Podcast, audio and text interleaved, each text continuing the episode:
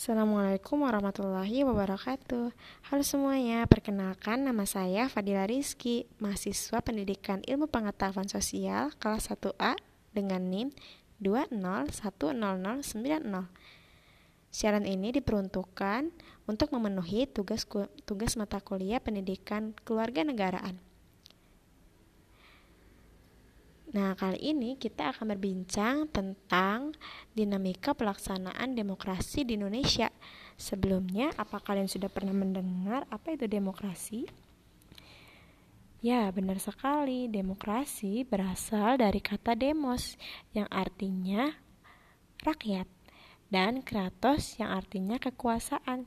Jika disatukan, maka akan menjadi demokrat demokrasi. Demokrasi artinya kekuasaan rakyat. Istilah demokrasi ini diperkenalkan pertama kali oleh Aristoteles sebagai suatu bentuk pemerintahan, yaitu pemerintahan yang menggariskan bahwa kekuasaan berada di tangan orang banyak atau rakyat.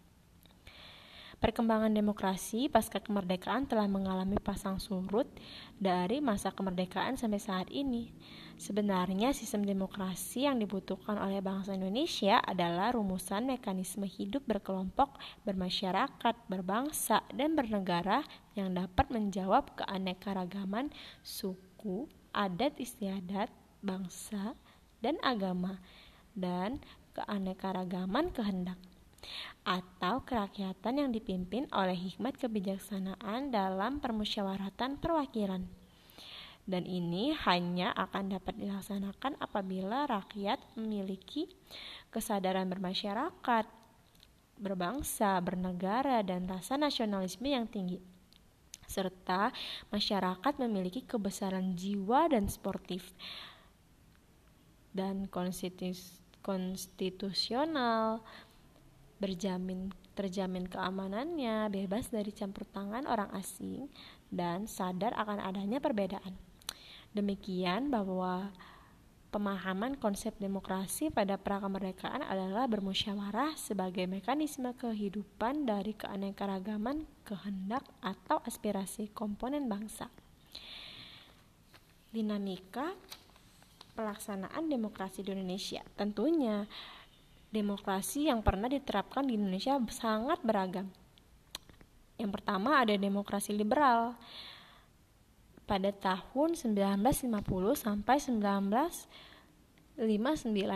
Pertama kali Indonesia menganut sistem demokrasi parlementer yang biasanya disebut dengan demokrasi liberal. Masa demokrasi liberal membawa dampak yang cukup besar pengaruh keadaan, situasi, dan kondisi politik pada waktu itu. Kemudian ada demokrasi terpimpin pada tahun 1959 sampai 1966.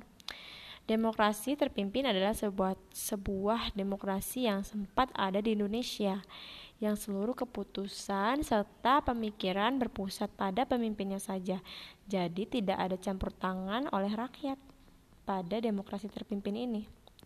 Kemudian yang selanjutnya adalah demokrasi Pancasila. Demokrasi Pancasila merupakan demokrasi konstitusional dengan mekanisme kedaulatan rakyat dalam penyelenggaraan negara dan penyelenggaraan pemerintahan berdasarkan konstitusi, yaitu Undang-Undang Dasar 1945. Gak disangka-sangka loh ternyata demokrasi Pancasila ini menetap pada sistem pemerintahan Indonesia. Demokrasi Pancasila dengan mengedepankan adanya prinsip bermusyawarah.